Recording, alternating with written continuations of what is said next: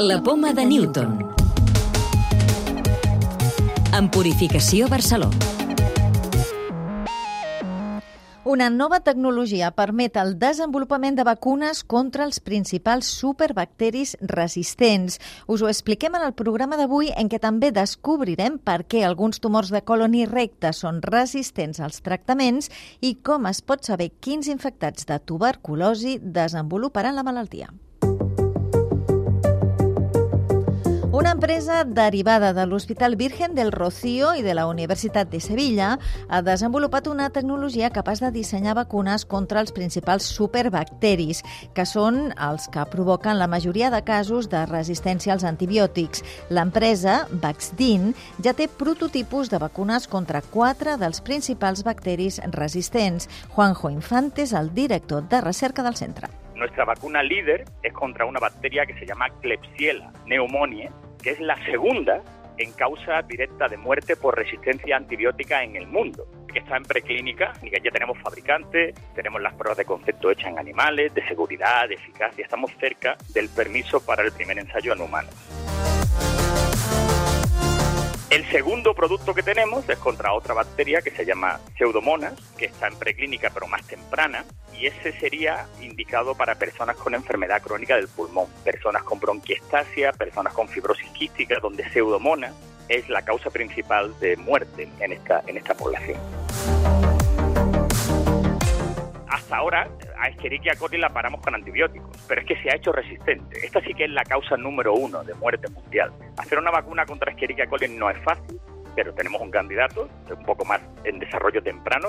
Y la cuarta sería Cinetobacter baumani, es una bacteria mucho más ligada a hospitales y en concreto a unidades de cuidados intensivos. Aquests prototipus de vacuna no només podrien reduir la mortalitat per resistència als antibiòtics, sinó també estalviar costos als sistemes sanitaris i frenar la proliferació de bacteris resistents, una de les principals amenaces en aquests moments per a la salut mundial.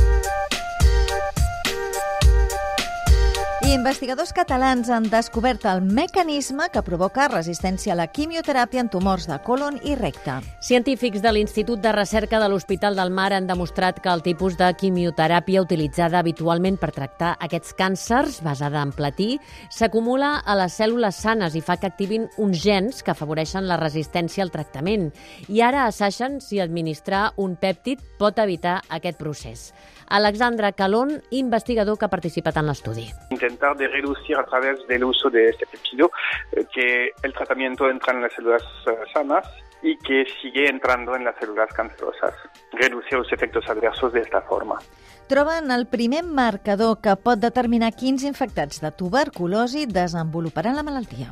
La troballa és important perquè pot servir per dissenyar nous fàrmacs i vacunes que evitin la patologia. La recerca l'han liderat investigadors de l'Hospital Germans Trias i Pujol, que van analitzar tacs de macacos amb tuberculosi i van veure que la patologia comença quan la infecció primària genera petits nòduls al voltant.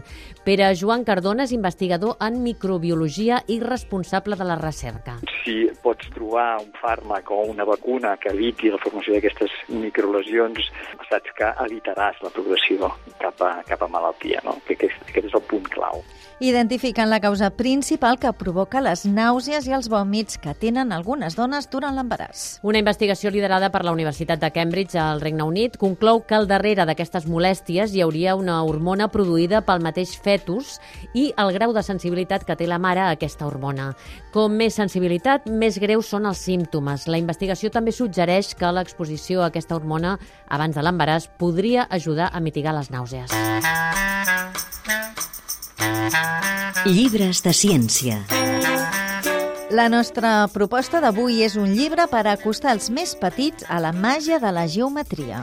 Es tracta de l'obra Papà, cómo se enroscan las caracoles, del biòleg i professor Luisma Escudero i amb il·lustracions de Raquel Gu. Ens ofereix un passeig a través de la geometria de la natura, en el qual els infants descobriran com rius, animals, roques i plantes amaguen formes geomètriques.